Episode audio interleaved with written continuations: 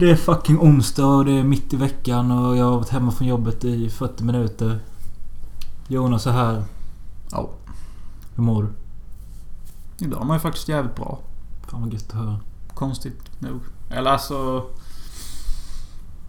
Det är inte så jävla ofta någon säger det i den här podden. Känns. Nej men jag vet inte varför det är jävligt bra. Har du fått en tjej? Nej.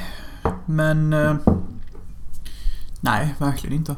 Men... eh, nej, men alltså det, det går bra med redigeringen och jag äter nyttigt och sover ordentligt. Eh, tre essentiella bitar jag tror är väldigt viktigt för att jag ska kunna hålla mig frisk just i en tid nu i livet. Speciellt nu under vintern.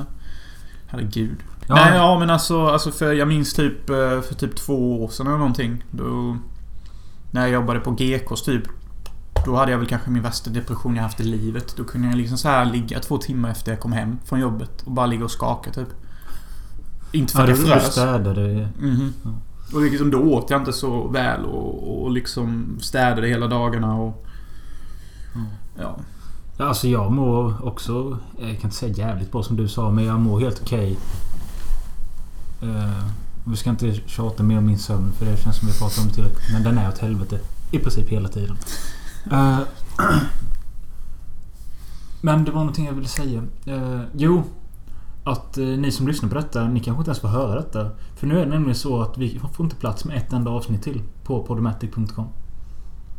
Så vi behöver er fucking hjälp till att eh, få upp Patreon. Den ligger på 30 dollar nu.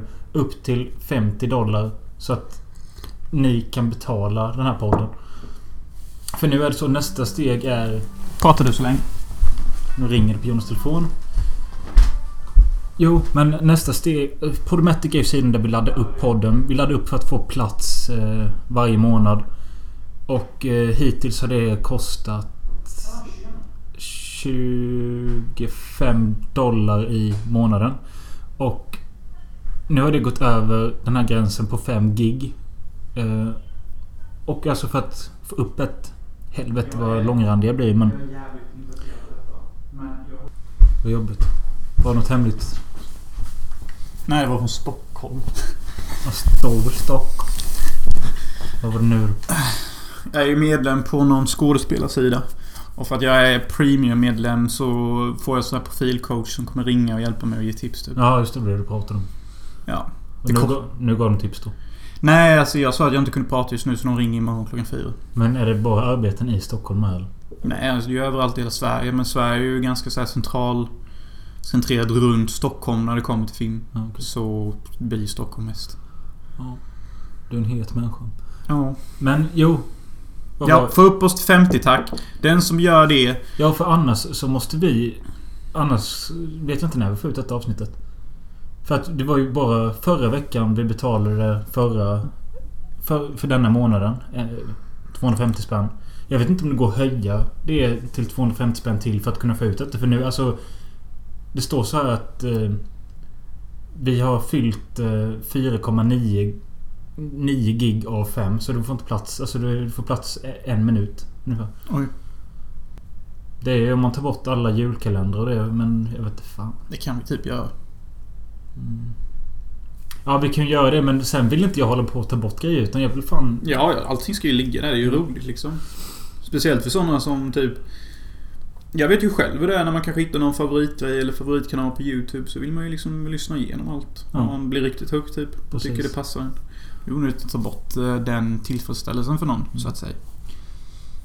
En till grej jag vill nämna det är den här ritualen vi pratade om som Jonas har gjort men som vi skulle göra i något jävla halloween-avsnitt för några veckor sedan. Mm. Den är ju filmad och vi gjorde det. Det blev vad det blev men eh, det finns inte att se än. Men för jag tänker vi måste klippa ihop alla de här klippen jag filmade och lägga ut det och det kan komma om när någon orkar göra det. Det kan komma om någon vecka eller två. Ja. Men det var sjukt. Och det var sjuka resultat. Ja. Jo, alltså... mm, Jonas gick in för det. Mhm. Jag funderar på att göra det igen. Fast kanske en annan ritual. Och sen så tänka ut vad jag kanske borde ha gjort och inte gjort under ritualen. Så det ska jag tänka på. Till nästa gång. Och det här har jag pratat med dig om för länge sedan och jag kanske pratat om det i podden med. Men jag- alltså jag är... när det kommer till filmtittande till podden. Så jag är sugen på att göra antingen en följetong av en person eller en filmserie där man tar en film per avsnitt. Fattar du vad jag menar? Så vi tar en per, Vi avslutar varje avsnitt med en Paul Verhoeven-film eller något som skit. Eller en... Inte Jess Franco-film för det är det From Beyond gör. Det, det, spelar ingen roll vilket tema de har för de avslutar alltid varje avsnitt med en Jess Franco-film. Ja, men det går ju med honom för han har gjort liksom 107 filmer. Ja, precis. Men jag mer. menar att det behöver inte vara någon som har gjort 100 filmer. Utan om det är någon som har gjort sju filmer så gör vi de sju. Eller... Ja men alltså vi eller, kan väl börja med hans svensken. Eller om... Det behöver inte vara en person heller utan det kan ju vara... Ja, det finns eh, åtta American Pie-filmer. Nu ska vi se en till varje avsnitt. Det var kanske ett tråkigt exempel men... Vi behöver inte bestämma oss nu. Har ni som lyssnar något förslag på någon serie eller någon person vi borde komplettera? Över antingen ett långt avsnitt eller en i veckan. Så är vi taggade på det. En sista grej. Det är att eh, vi har ju snackat jag och Jonas om att eh, börja göra en podd i veckan igen. Mm. Jag känner att det känns ganska bra för då blir det inte så här... Man hinner sacka ihop typ och man... Eh, Nej, man hinner tappa knivspetsen lite så att säga. Och det är skönt att hålla sig igång och man ska hålla sig igång. Och ett avsnitt i veckan är inte mycket. Nej. Men det blir ju mycket om man leker alkoholist på helgerna. Ja. Och det är ju där liksom strulet har, har, har varit.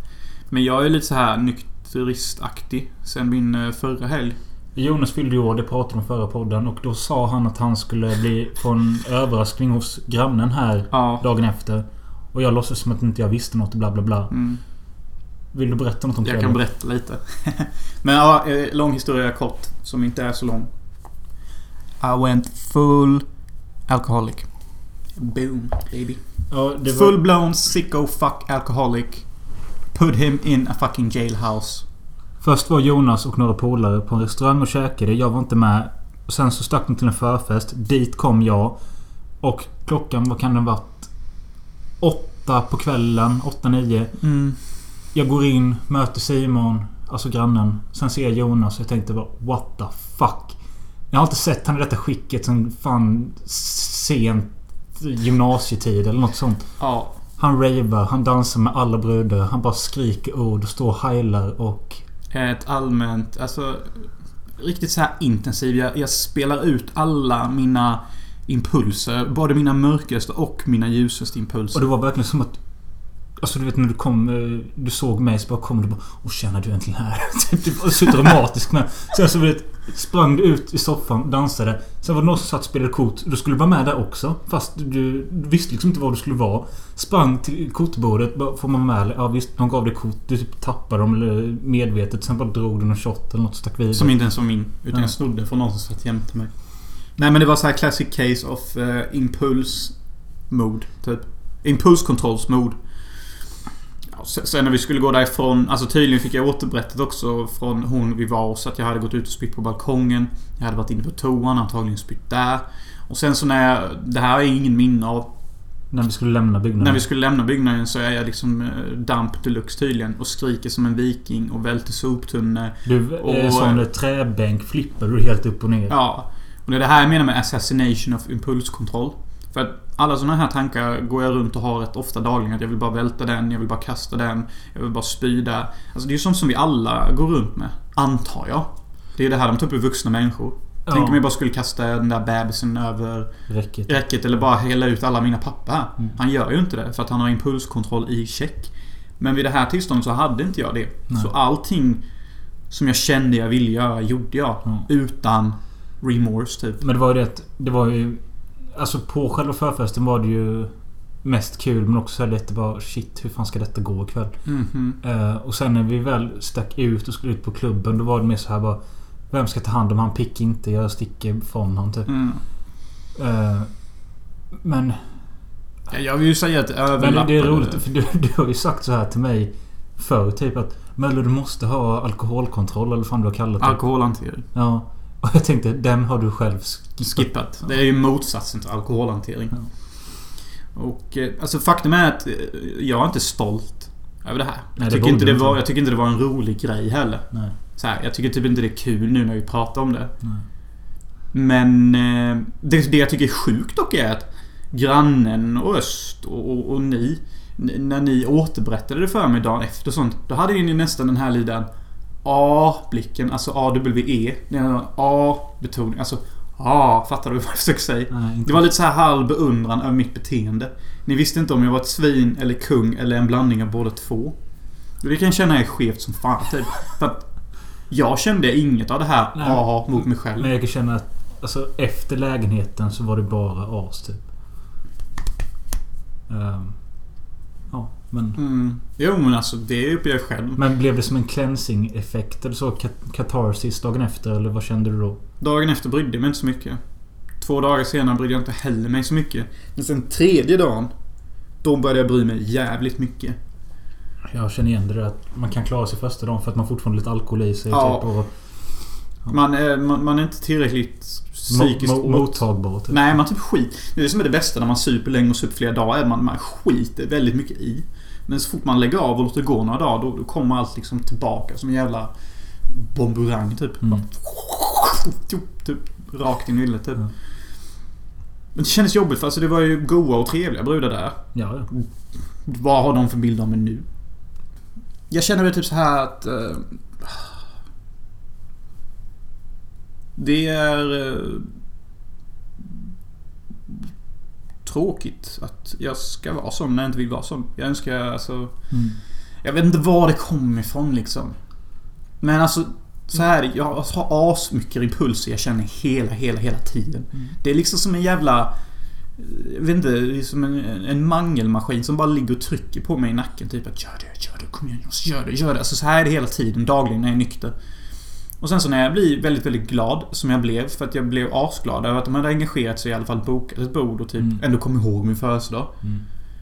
Och, och då blir jag så här lycklig. Och när jag blir lycklig, då glömmer jag bort att ta hand om mitt psyke. Och då bara liksom go, roll out the flow. Mm. Det är därför jag är jätteorolig vad som kommer hända Säg om typ Ice of the Sun eller om jag kommer med i andra långfilmer och blir riktigt så här stor stjärna. Hur flippad jag kommer bli då? För att jag har ingen bra lyckohantering. För att det är så ovanligt för mig att känna glädje och lycka. Så när jag väl känner det så blir det som en drog i sig. Och jag tappar typ all impuls, allt normalt beteende, kontroll. Men det är inte bara lyckan utan det är alltså... Jag tror också det beror på att jag har inte sett dig dricka så här mycket på väldigt länge. Jag tror det har gjort en stor grej med... För att du brukar vara ganska chill med alkoholen nu för tiden. Mm. Och nu kändes det som att... Nu tog du det du hittade typ. Mm. Ja, jag vet inte. Det kan ju ha varit en blandning med att jag tyckte det var jobbigt att fylla 25. Ja. Och så blev detta som någon slags motpotseffekt. Jag vet inte fan. Nej. Men eh, ja, ja, jag har ju liksom... Nu har jag ju inte rört alkohol på en och en halv, två veckor. Nej. Typ. Frågan är hur länge jag kommer köra det. Alltså, jag, jag vet inte fan typ. Jag har inte rört på fyra dagar. Och jag fick någon liknande effekt fast lite mildare än dig här hemma. Välte ner film och headbangade på golvet och... Se, mitt beteende inspirerar ju andra också. Ja, jag satte på mig den jävla masken och sprang runt här inne och... Nej, usch. Men nu, nu, nu känns det bra. Nu bryr jag mig inte om den helgen. Nej. Ett skit. Nej, det är det som är bra att det, det försvinner. Mhm. Jag satt i duschen i nästan två timmar. Ja, duschen kan man ju bli rätt så bra vän med eftersom den här... Och krälade ut från duschen. För jag satt, i, satt på golvet i duschen. Krälade ut och spydde i toan och låg naken. Ja, I know how it feels.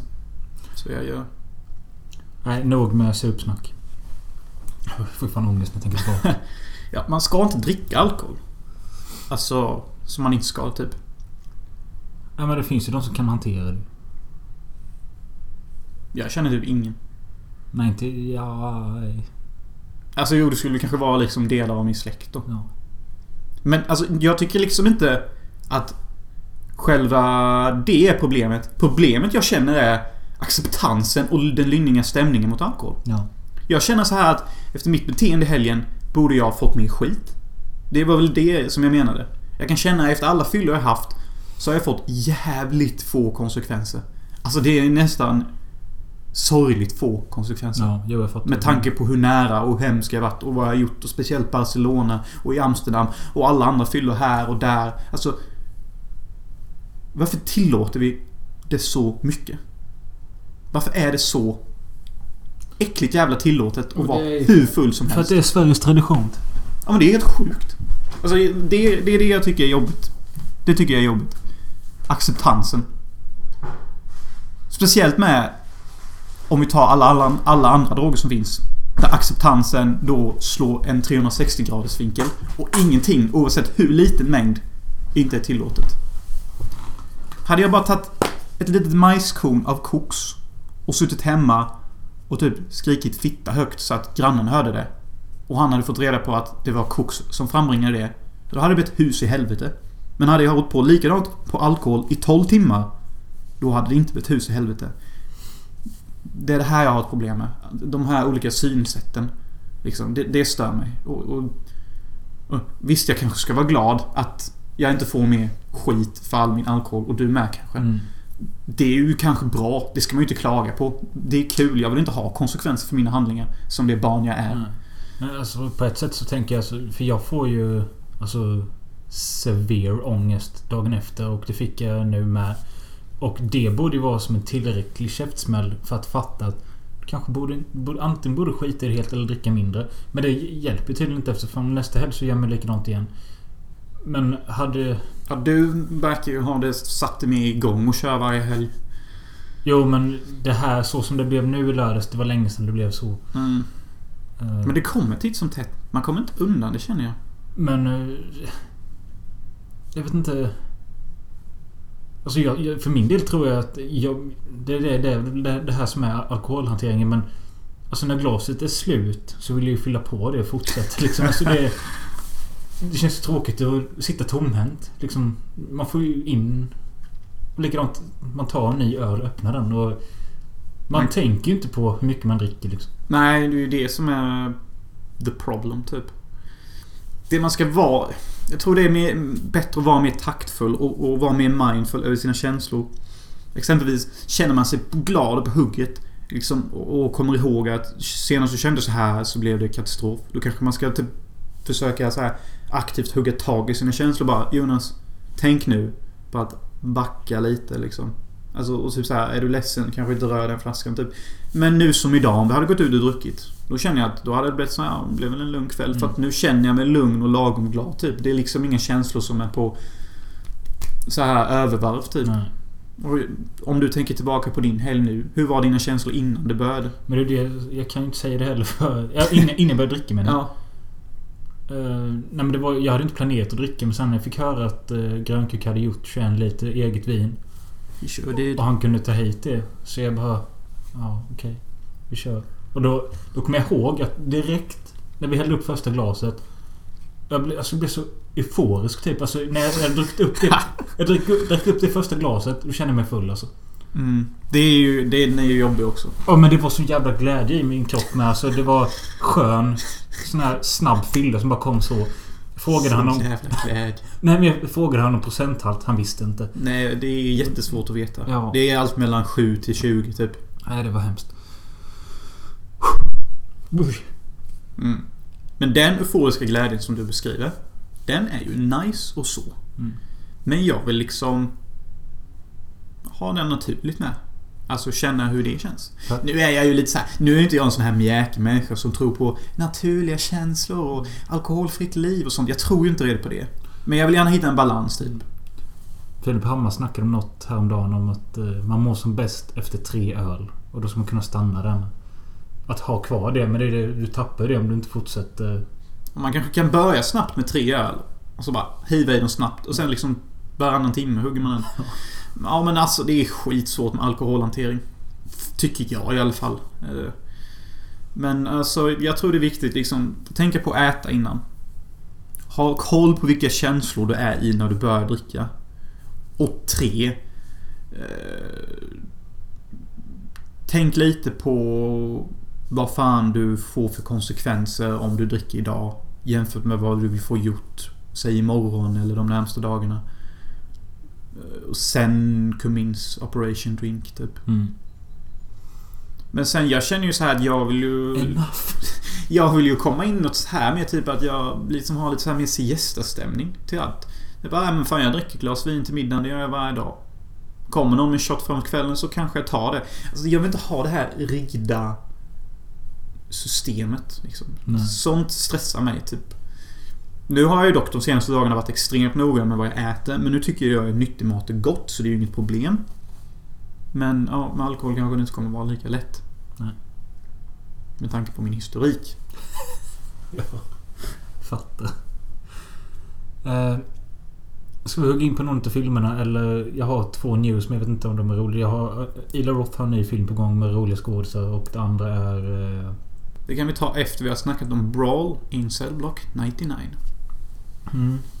Och Jonas gillar inte att jag nämner namn på regissörer och det kan... Men det kan vi göra denna gång för att den här regissören är värd att nämna. Ja, har du namnet då? Jag har ingen aning. Ja, han heter Scott någonting. Det är ett F. Du kunde fan inte heller ju. Scott någonting. Ja, men jag kommer inte ihåg det. Scott Adkins. Nej, alltså det står... Det är typ F. Scott bla bla bla eller något. F. Scott Fitzgerald. Vad ska du? Ja. S. Craig Suller heter han. Vilket fall som helst, samma snubbe som gjorde Bone Tomahawk. Han är vår nya exploitation-regissör i modern tid. Mm, fan vad kul med någon som liksom... Ja, gör... Exploitation-filmer. Ja. Kul att han typ i Bone Tomahawk gör en western möter kannibalfilm. Det är liksom typ två exploitation-genrer. Det enda jag skulle säga skillnaden är ju liksom att han har ett säreget tempo som är... Ja, det är kul. Han är både exploitation-regissör och tempo som du snackar Ja. om.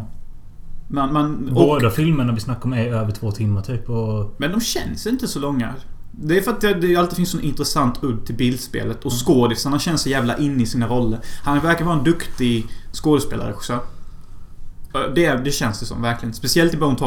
Jag, jag tänker på den scenen där vår huvudperson typ bryter benet eller någonting och alla diskuterar om de ska hugga av hans ben eller inte. Och han som då ligger med det brutna benet typ skriker bara It's my decision, mine! Och typ det blir en jävla hetsig diskussion om det. Men det är ju han skådisen som jag alltid glömmer namnet på som är med i Conjuring och eh, Mm. Insidious. Chris Och, Pratts bror typ. ja, typ. Ni vi alla vet. Ja. Hur som helst. Brawl in Cell Block 99. Vince Vaughns Rise to Fame typ. Nej men... Eh, Vince Vaughn är typ en av mina favoritskådisar. Jag har aldrig liksom... Jag har aldrig haft något emot har aldrig gillat honom. Han är ju hur skön som helst. Ja. Han är ju asskön i Wedding Crashes. Rätt rolig i Lost World, Jurassic Ja, du Park. gillar ju den mycket med väl? Den datingfilmen jag har. Vad fan är den heter? Ja men kom igen. Ja men... Inte Smashed. Vad fan heter den? Swingers. Ja, just det. Den gillar jag med. Men... Ja. Vad fan handlar filmen om? Det handlar om att eh, han har... Det, han är en ex-boxare eller ex-kriminell. Både och eller något. Det får man inte reda, reda på. Nej, jag bara läste det på IMDB-beskrivningen. Typ ex-boxer eller något sånt. Killen kan slåss. Killen är hård. Killen är en patriot. Killen är schysst. Ja, så kan man säga. Det är, det är så han är, Vince Vaughn. Och för att behålla sin flickvän som har börjat vänstra för att hon är typ trött på deras relation eller något och att hon vill ha ett härligare liv. Så börjar han köra droger åt en gammal kompis. Mm. Det är dock som är roligt detta när de presenterar karaktären och hur han reagerar. Att först får han liksom sparken. Ja, På just sitt jobb. Ja. Och då fattar man direkt vilken karaktär. Han bara typ "Ah, jag behöver inte gå in på ett kontor för att få reda på att jag fått sparken. Nej. För att jag har aldrig varit i den miljön. Så han bara tar det som en man. Man märker direkt att han har hets och aggreproblem. För han råkar bryta av nyckeln innan han öppnar sitt skåp. Då bara sular han nyckeln rätt så argt och bestämt rakt in i ett skåp jämte. Och sen typ så här gör någon andövning. Men sen så åker han hem och ser att sin fru har kommit hem tidigare.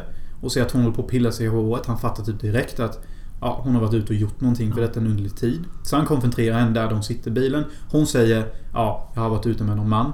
Han typ får Fury in his Men det är eyes. roligt att alltså, han gör det ändå lugnt. Mm, han är skitlugn hela tiden. Han har en väldigt speciell gångstil. Detta. Det är som att han går väldigt rakryggad men nästan lutar lite för mycket ryggen bakåt. Så att han nästan... Nästan ser ut som att han ska ramla bakåt vid varje steg han tar. Men det är ändå väldigt bestämt och... Eh, så här predatoriskt. Eh, här går jag liksom. Han ser så jävla stor ut. Ja, det gör han. Han är ju musklig. Alltså, han, är så här, han ser ju inte ripped ut. Nej. Men han ser liksom stark och Ja. hård ut. Men ändå Så snäll. Hjälper inte att han har ett jävla kors tatuerat i bakhuvudet. Ja, men han ber i alla fall henne gå in i huset.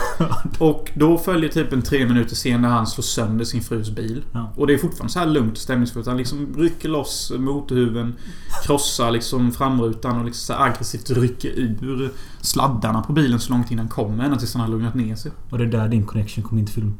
Mm. Med dina aggressionsproblem. Jag är ju inte lika så här lugn som han är när jag är aggressiv. Men alltså... Bara ta nu för någon vecka sedan. Jag var... Ja, alltså jag hade skitdålig känslohantering över mitt liv. Så liksom jag tog liksom en, en trästol. Jag hade. Bara med, liksom, bara med min högerhand och bara drog den rakt upp i luften. Bara sulade rakt i marken. Hemma eller? Ja, hemma. Och den gick liksom i alltså hur många bitar som helst. Så jag är riktigt förvånad över vilken styrka jag hade. Vad hade hänt då? Jag minns inte det. Jag hatade Unnaryd. Och Men efter det, känns det bra då? Känns det bara fan, nu ligger stol överallt. Nej, alltså sen så slog jag ju liksom sönder en kvast också. Typ. Men alltså... Det känns ju som man får utlopp för sina känslor. Men känns det, känns det inte som att du, du kanske borde köpa en sandsäck eller något och bara sparka sönder den eller något? Jo, jag har faktiskt funderat på det. Men du frågade hur det kändes. Ja. Och när man är i det, då känner man sig aggressiv och så här. Men efter man har gjort det och man ser spillrorna och all skada man har gjort. Då är det nästan lite som en sån här... Som att någon gav en ett liksom så här lugnpiller. Man, man, man går långsamt och så här med peace of mind i huvudet och tvättar rent eh, smutsig disk. Eh, kanske klär på sig och sätter sig och pillar med redigering. I typ en halvtimme. Sen så börjar man tänka så här att... Ja, det var ju jävligt onödigt. Typ, det är ju inte ens min stol liksom. Och, Nej. och typ man blir nästan lite så här skamfylld typ. Fast ingen annan sett den. Det är mer över sitt egna agerande. Ja. Men, men det är riktigt sjukt att man kan känna sig så lugn efteråt. Och det är nästan lite farligt typ. För det är nästan lite som en drog typ. Det, det, är, det är jämförbart med om man har sprungit en väldigt, väldigt lång runda eller varit på ett träningspass. Och ni vet känslan efter ni som tränar. Nu vet jag att tyvärr kanske inte du kan svara på hur det känns. Men ni andra som tränar och har tränat någon gång vet ju den Jag här. vet hur det känns. Du gör det? Ja. Okej. Jag har spelat squash och dött. Mm. Men det känns lite så. Typ. Ja, men det, ja, han slår sönder bilen i alla fall och får den här lugna effekten efteråt. Så han kan gå in och prata med henne lite Ja, sansat. och det är ju rätt fint hur de pratar. Han För blöder från händerna. Ja, han är väldigt så här. Man märker att han älskar sin fru och vill få det att funka. Ja. Och det är lite fint efter de har haft Men samtalet. till en början när han går in där och pratar. Eller nej, det tänkte jag. Jo, i bilen så tänkte man så bara okej, kommer han... För han säger att hon bara ska gå in med sig. Mm. Då tänkte jag okej, nu kommer han gå in och spöa henne typ. Nej, men det gör han inte. Han slår inte kvinnor. Nej. Han har ju heder och en schysst kille liksom. Det sa vi ju och det märker man ju. Mm. Nej, men det är också lite kul för efter några sitt samtal så vill ju frun komma fram och krama honom. Och han bara Nej, jag är inte redo för att du ska vara så nära mig just nu. Nej. Det tyckte jag var... Okej, fint och kul typ. Men som Mölle sa så blir han ju fucking knarklangare och de lyckas och hon blir gravid typ. Sen så kommer det två jävla idioter som ska hjälpa honom med en deal. Ja, de är typ två latinos, fattar ingenting. Eh, Han måste jämt ständigt Det är kul med att Vince Vaughn tar sitt jobb seriöst. Han säger bara jag ser att han är en jävla användare typ. User of Ja. drugs. Hombre. Ja. Blir skitförbannad. Men i alla fall, sen så fuckar stilen upp. Han säger att de måste kasta varorna för de har varit ute på havet och hämtat det på botten. Vince Vaughn hör att det är polissirener och de kommer komma hit. Men de två latinos ignorerar det. Så de hamnar i en sån här firefight med polisen. Som är jävligt skumt filmad alltså. Ja, det är det. Man ser aldrig riktigt var skotten kommer ifrån eller ljuden kommer ifrån. Och de skjuter mot något håll och... Alltså vad fan snackar du om? Jag- Det är ju hur tydligt som helst. Jag redde inte ut i mitt huvud typ. Okej. Ja, det är... ja, Jag håller med om att den är underlig och så, men man, man fattar ju. Polisbil där, bovar där. Vince Vaughn någon annanstans typ. Ja, vad fan är det konstigt? Nej, jag vet inte. Ja, okej. Intressant. Men i alla fall, Vince Vaughn är ju typ 30 meter ifrån när detta händer. Så han kan ju välja och, och liksom inte lägga sig i detta så kommer han komma undan. Men hans moralkompass tillåter inte att de här bovarna dödar poliser Nej. som står upp för lag och rätt, enligt han då. Så han skjuter dem. Mm. Bovarna då. Som han hjälpte att hämta knark med. För att liksom rädda polisen. Och tack vare att han gör det så dör ju inga poliser. Nej. Men lik förbannat hamnar han sju år i fängelse. Ja. Och det hatar han. Man ser det på honom att han tycker detta är fel. Det är liksom så här att jag räddade fan ni är poliser. Ändå hamnar jag i fängelse. Ja, och detta är precis samma veva som hans fru har blivit gravid och livet har börjat ordna- upp sig. Och det är ändå lite intressant för man kan ändå... Jag tycker de gör ett jävligt bra jobb att bygga sympati för karaktären. Ja, verkligen. För att man håller ju med honom och känner med honom att ja, han räddade fan polisen. Ändå ska ni sätta han i fängelse. Mm. Liksom, han gjorde ju bara vad ni poliser gör. Skjuter bad guys. Mm. Så bara för att de har uniformer på sig så liksom är det okej. Det blir, jag tyckte det var intressant. Så de gör ett jävligt bra jobb där på att bygga upp en sån karaktär för att man ska Ja. vara på hans sida. Han åker in på ett ganska vanligt fängelse först. Och... eh, Som kallas det Fridge. Och det är typ, det är nästan ett dagisfängelse. Ja. Alltså typ, de tar, alltså... De är ju typ så här pojkar där på det fängelset. Ja. Även vakterna och sånt. ja. Liksom, de, Det är någon kaxig svart vakt som typ håller på och säger... Fula sig lite, Ja. men han är ju inte farlig. Nej. Och sen så säger han till honom förlåt för att jag var på dig. Ja. Men jag ville bara att du skulle gå med boxningsklubben vi har här på fängelset. Det var därför jag hetsade lite. det, och man bara, åh, vad är det här för ställe typ? I alla fall, han är där inne. Då får han helt plötsligt ett samtal. Eh, Av Udo Kier. Ja. Mannen som varit med typ i 5000 filmer. Ja, Eh, det har han. Spelat vampyr är väl 20 tror jag han har Ja. sagt. men i alla fall. Eh, att... Nu är det så här. Med tanke på vad du har gjort mot de här killarna när du sköt. Så har liksom latinogänget kan vi kalla dem Ja. hamnat i fucking fängelse och det är ditt fucking fel. ja. Vi har tagit ifrån din fru och, Och- vi kommer liksom Hit en asiat. till att skära upp... Eh, Ja, det är ju att ungen ska kunna födas men den ska födas utan lemmar helt. Ja, precis. För att den asiaten är typ skillad som fan. Ja.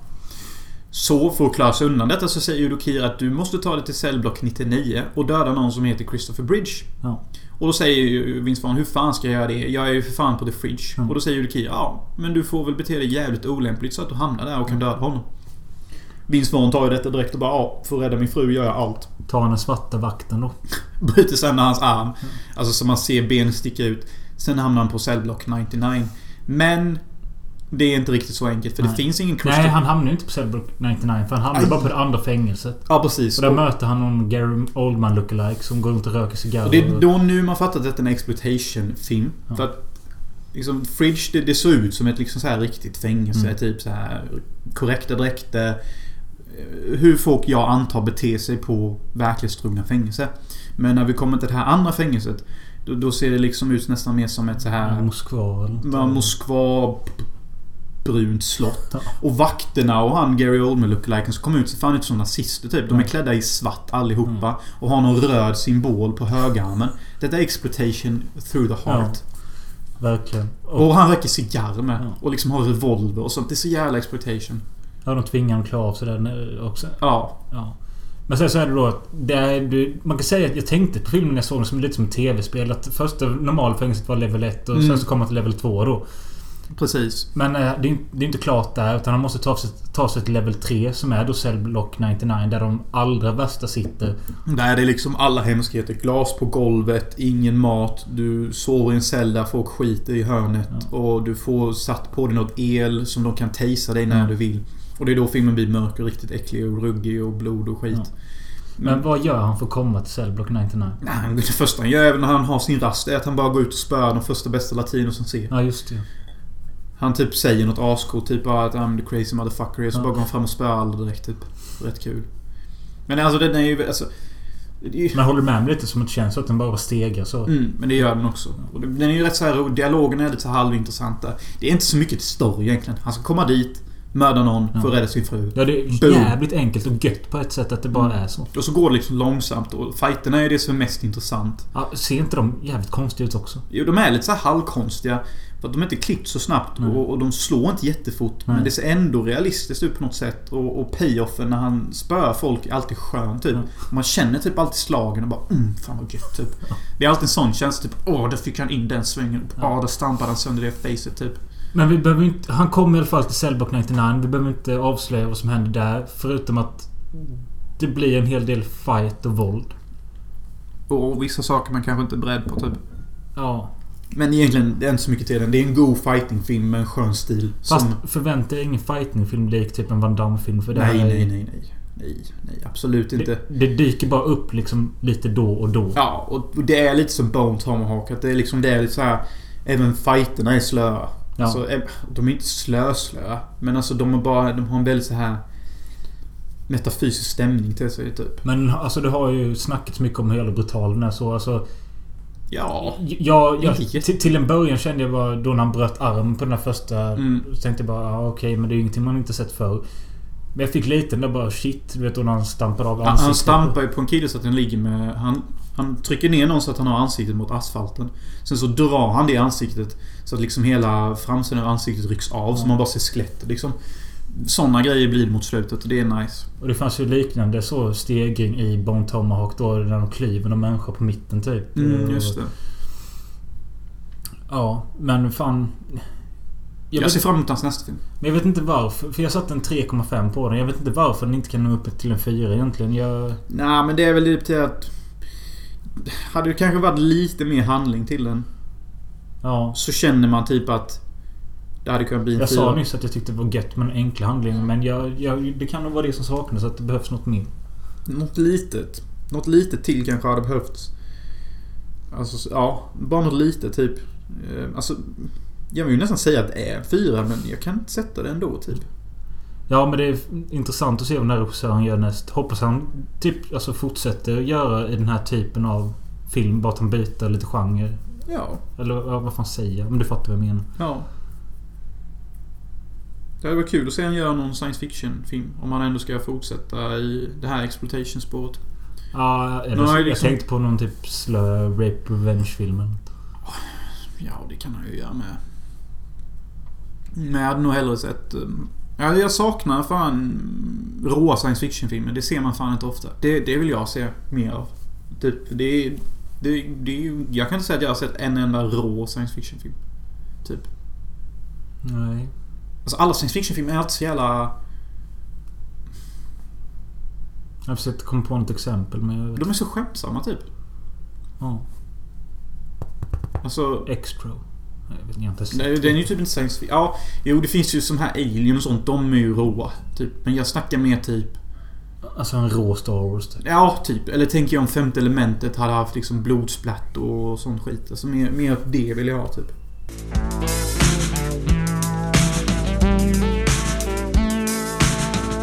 Jo, jag har två korta news här. Och eh, det ena är... Ila Roth. Jag, alltså, jag har för mig att jag hörde att han skulle göra en jävla eh, hajfilm eller något. Men den verkar ju inte vara igång. Han... Death Wish är väl klar, men jag vet inte om den går att se än. Hur som helst, hans nya projekt är The House with a Clock in its Walls. Eh, En Luci Flusci remake eller? Nej, utan det bygger på en bok och... Eh, jag har något vagt minne av att jag, någon har pratat om den för kanske fem år sedan. Fast med svensk titel då typ Huset med klockan i väggen eller något sånt. Ja. Kan varit Nicolina kanske som har snackat om boken. Men det är i alla fall fantasy, horror, mystery. Mm. Och jag tyckte det var kul att i rollerna så var eh, Kyle MacLachlan, Kate Blanchett och Jack Black. Och jag har en handlingsbeskrivning här med men den säger inte så mycket. A young, a young orphan named Louis Barnabalt aids his magical uncle in locating a clock with the power to bring about the end of the world. Ja, är det en superhjältefilm eller? Fantasy, horror, mystery. Kul. Jag tyckte det lät intressant på. Ja, Och speciellt eftersom ett top build cast redan var klart. jo, jag är taggad. Så är jag. Och det andra var bara att eh, regissören till den kommande Suspiria säger att det här är ingen remake. Nej, vad fan är det? Eh, En film med samma titel bara. It's inspired by the same story but it goes in different directions. It explores other reasons. Och sen så står det hur mycket som helst men... Alltså det låter ju som en remake. Ja. Eh, Säger man vad man vill alltså, men saker är ju vad de är. Uh, I think people really have to understand that this is not a remake because the word the word remake gives the impression that we want to erase the original and the opposite is what we try to do. Fattar inte. Låter Nej, mer som man inte vill man up till att det är en remake. Ja, Faktiskt. det var inte så rolig nyhet kanske. Har du något kul? Jag har också en liten nyhet. Uh, ingenting är hugget i sten som Mölles skit är. Men eh, Tarantinos nästa film då om Manson-morden 1969. Det, det ryktas bara om att Tom Cruise är jävligt taggad på att vara med. Och att det finns stor chans att han kanske kommer att vara med. Hade varit kul. Ja, det är spännande som att se. Och att Jennifer Lawrence vill han gärna ha med. Det är med Tarantino som vill ha med henne. För att han vill egentligen ha med henne i Hateful Eight. Ja, okej. Så... Skulle hon varit eh, Jennifer Jason Lees roll då? Ingen aning men troligtvis för hon är ju den enda kvinnan i filmen typ. Ja. Nästan. Eh, Och eh, att ja, Brad Pitt vill han ha med och sånt. Så det var väl lite så här.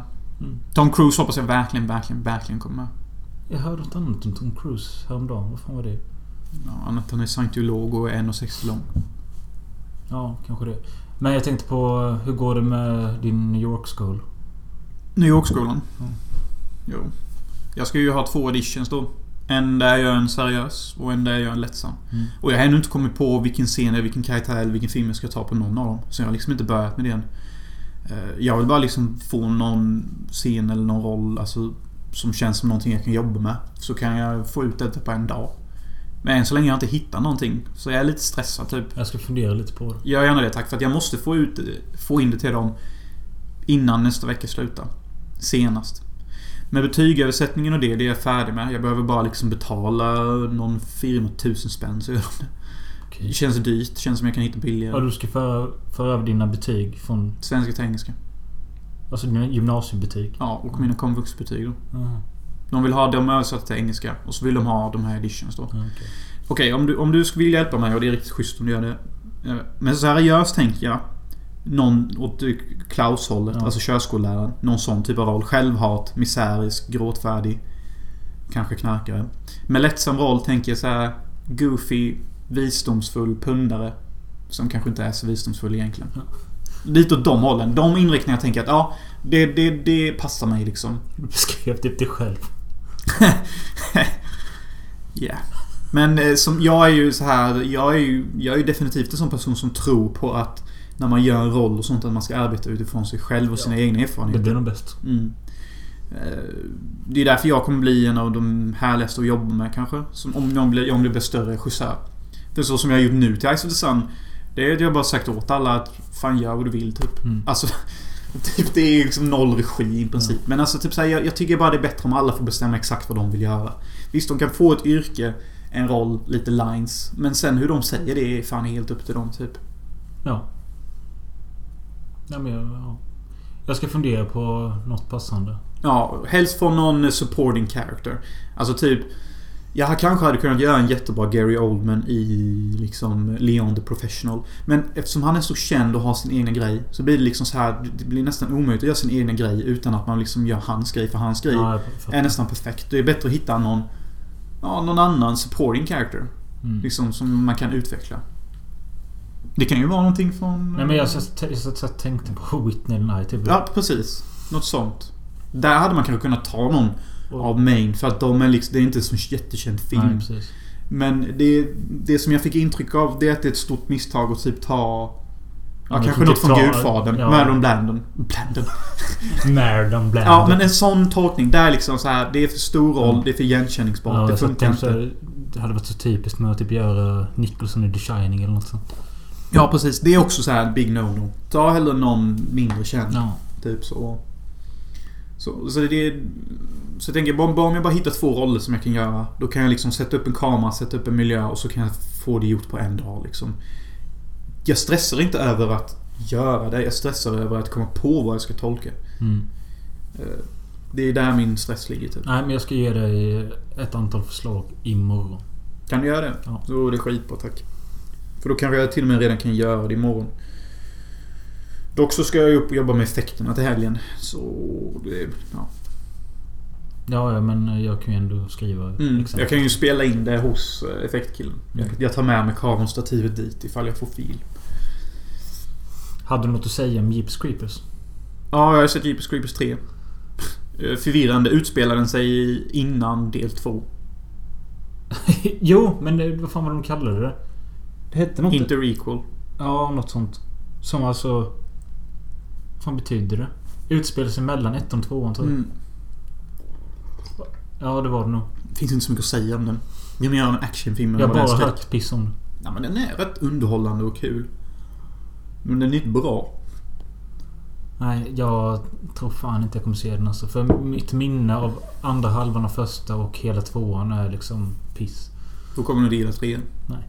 Alltså trean är strictly för de som tycker att demonen är liksom en cool badass warrior. Mm. Det, det är så det är.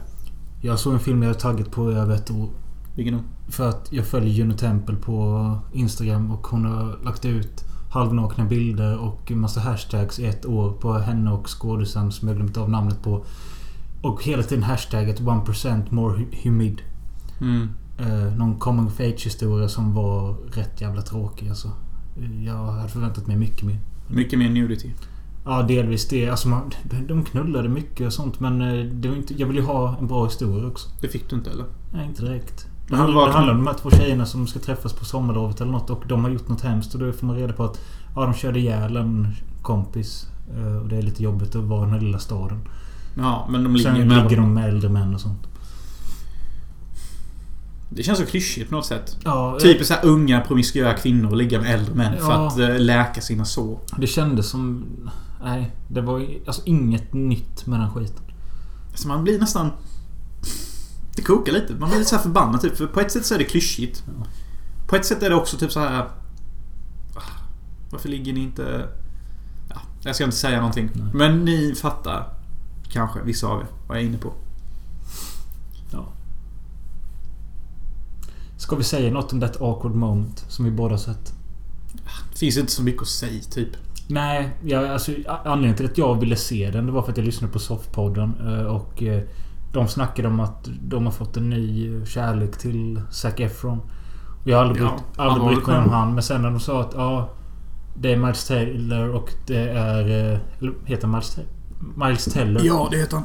och Michael B Jordan från Creed. Och så sa de att... Och Mackenzie Davis. Lite Ja, lilla love. Eh, här, så här var mycket godare än den andra filmen. Ja. Eh, och Imogen Poots. Hon har ett fräsch, fräscht ansikte verkligen. Hon jag har gillar- ett riktigt snyggt face. Det är going for her. Jag gillar båda de två väldigt mycket. Och sen det... Ja, ja skit i vad jag gillar med dem men... eh, jo men de snackade mycket väl om den här filmen att eh, även fast den har den här grabbiga jargongen och liksom så har den ändå någon form av hjärta och värme typ. Och jag bara ah, fan jag ser väl skiten. Mm. Och det var typ precis som de sa. Mm. Jag läste dock lite på filmtips att det var många kvinnor typ som bara... Eller jag läste det på andra ställen också. Typ bara... Ja, det märks att det är skriven av män. För att eh, grabbarna är sexskämt och kvinnor charmeras över det. Ja. Men alltså jag köpte ändå deras... Att kvinnorna charmeras av det. Ja, på sättet de gjorde det och sen så liksom... Mm, jag med. Ja, och De är ju självsäkra och roliga med Mackenzie var ju Miles Tellers... Eh, vad fan heter De den? var ju deras bro... Bro woman. Ja precis och hon köpte också deras hårda jargong och sånt. Liksom det, eller hårda jargong men... Den är inte hård, den är ju bara standard. Ja. Alltså så här är det att vara man Ja. runt män, kvinnor. I och för sig, jag reagerade lite på eh, Miles Tellers karaktär för allting var bara Fuck that shit man. Fuck that shit. Och, Så fan väl inte jo, det. han var ju... Ja men den var väldigt så här skön, relaxed. Men... Nej men jag, tyckte, jag tyckte det var skönt att de hade delat upp det på tre karaktärer. Ja, det är typ tre huvudpersoner i filmen. Ja, och att liksom... Det blev aldrig för länge med någon karaktär utan de bytte. Fast historien med Michael B Jordans karaktär med hans riktiga fru och sånt. Det var ju skittråkigt. Tycker du? Eller skittråkigt men det var det tråkigaste utav de tre historierna. Ja, det så. var det. Men den var väl ändå lite kul. Men den var inte så utvecklad typ. Det fanns inte så många twist and turn med den. Nej. Men sen så, så, så jävla... Det jag inte riktigt köper men alltså de här killarna de ingår någon form av pakt. En sån här typ grabbpack. Typ Ja, bara, att- Nu ska vi vara singlar! Wow! Ja. Och att eh, vi ska inte... Ha flickvän. Nej, vi ska inte fördjupa oss i någon tjej utan vi ska bara ha tillfälliga relationer. Och festa och dricka Ja. och ha sexskämt. Eh. Men så blir ju alla typ kära på något håll. Och jag köper inte att någon inte kliver fram rätt tidigt och säger bara alltså jag, den här paktgrejen, jag skiter i den. Exakt. Det hade jag också ett stort problem med. Fan vad jag hatar romantiska komedier när de gör så här. Det är mitt samma problem jag har med alla romantiska komedier. Att de måste följa mallen. Exempelvis när någon blir kär, som du sa. Men hade, hade du och jag en kille till gjort det och jag träffar en tjej jag då hade det ju varit realistiskt att någon kom fram och sa att Fan jag...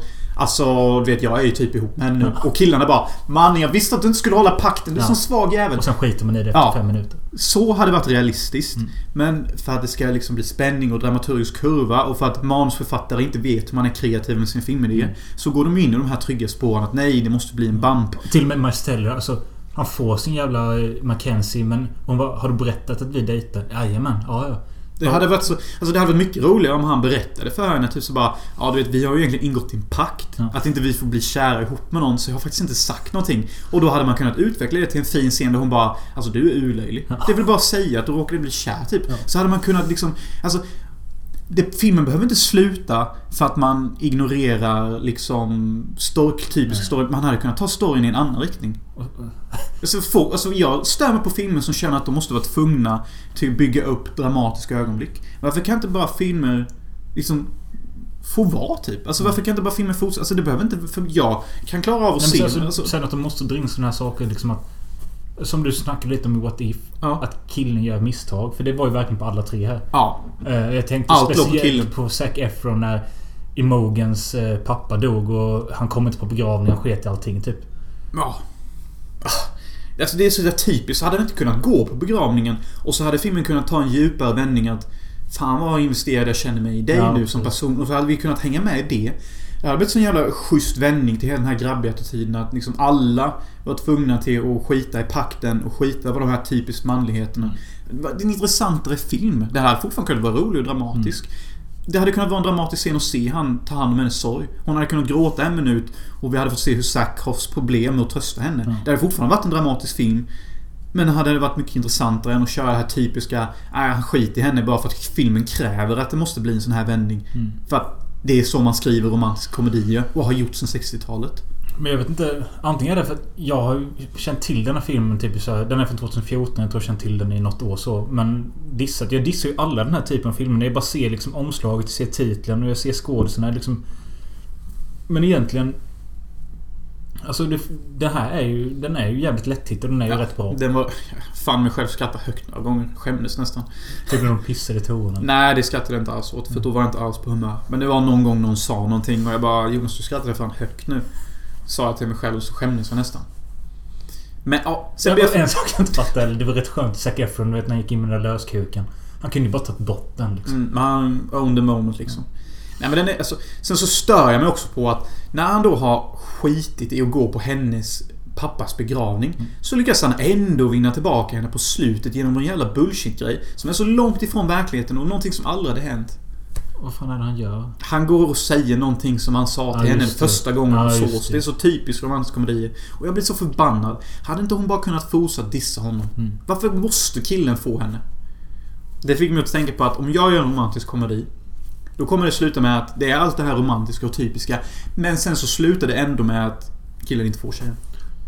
Där har vi en intressant Och det är ju därför Last American Virgin är top notch. Exakt. Ja, det har du fan rätt i. Den slutar så. Där, där. Det är bra. Det är fan riktigt bra. Det, det, det är en realistisk romantisk komedi. Det, det är det. Det är så jävla hårt med att hon tar hans bästa kompis. Ja, det är realistiskt! Och det är asjobbigt och det är någonting vi... Mer folk känner igen än att de får bruden, det kan jag fan säga är. Mer människor vet hur det känns att inte få bruden än hur det känns att få henne. By the way så är Last American Virgin Eli Roths favorite 80s comedy. That's wasted man. Nej, är vi klara för idag eller? Ja. Men påminner er om att ge oss tips om någonting vi kan ha en följetong på eller komplettera en serie eller en persons filmografi. Och fyll vår Patreon med cash så vi kan släppa avsnitt varje vecka ja nu. och säg vad ni vill ha av oss som någon form av belöning så ger vi det. Alltså Ja. det kan vara en utgåva av Själanöd, min länk till Ice of the Sun, vad fan som helst. Bara säg vad ni vill ha så får ni det för vi är skittacksamma för det. Ja. Nästa vecka pratar vi om någonting spännande, typ. ja. Hej.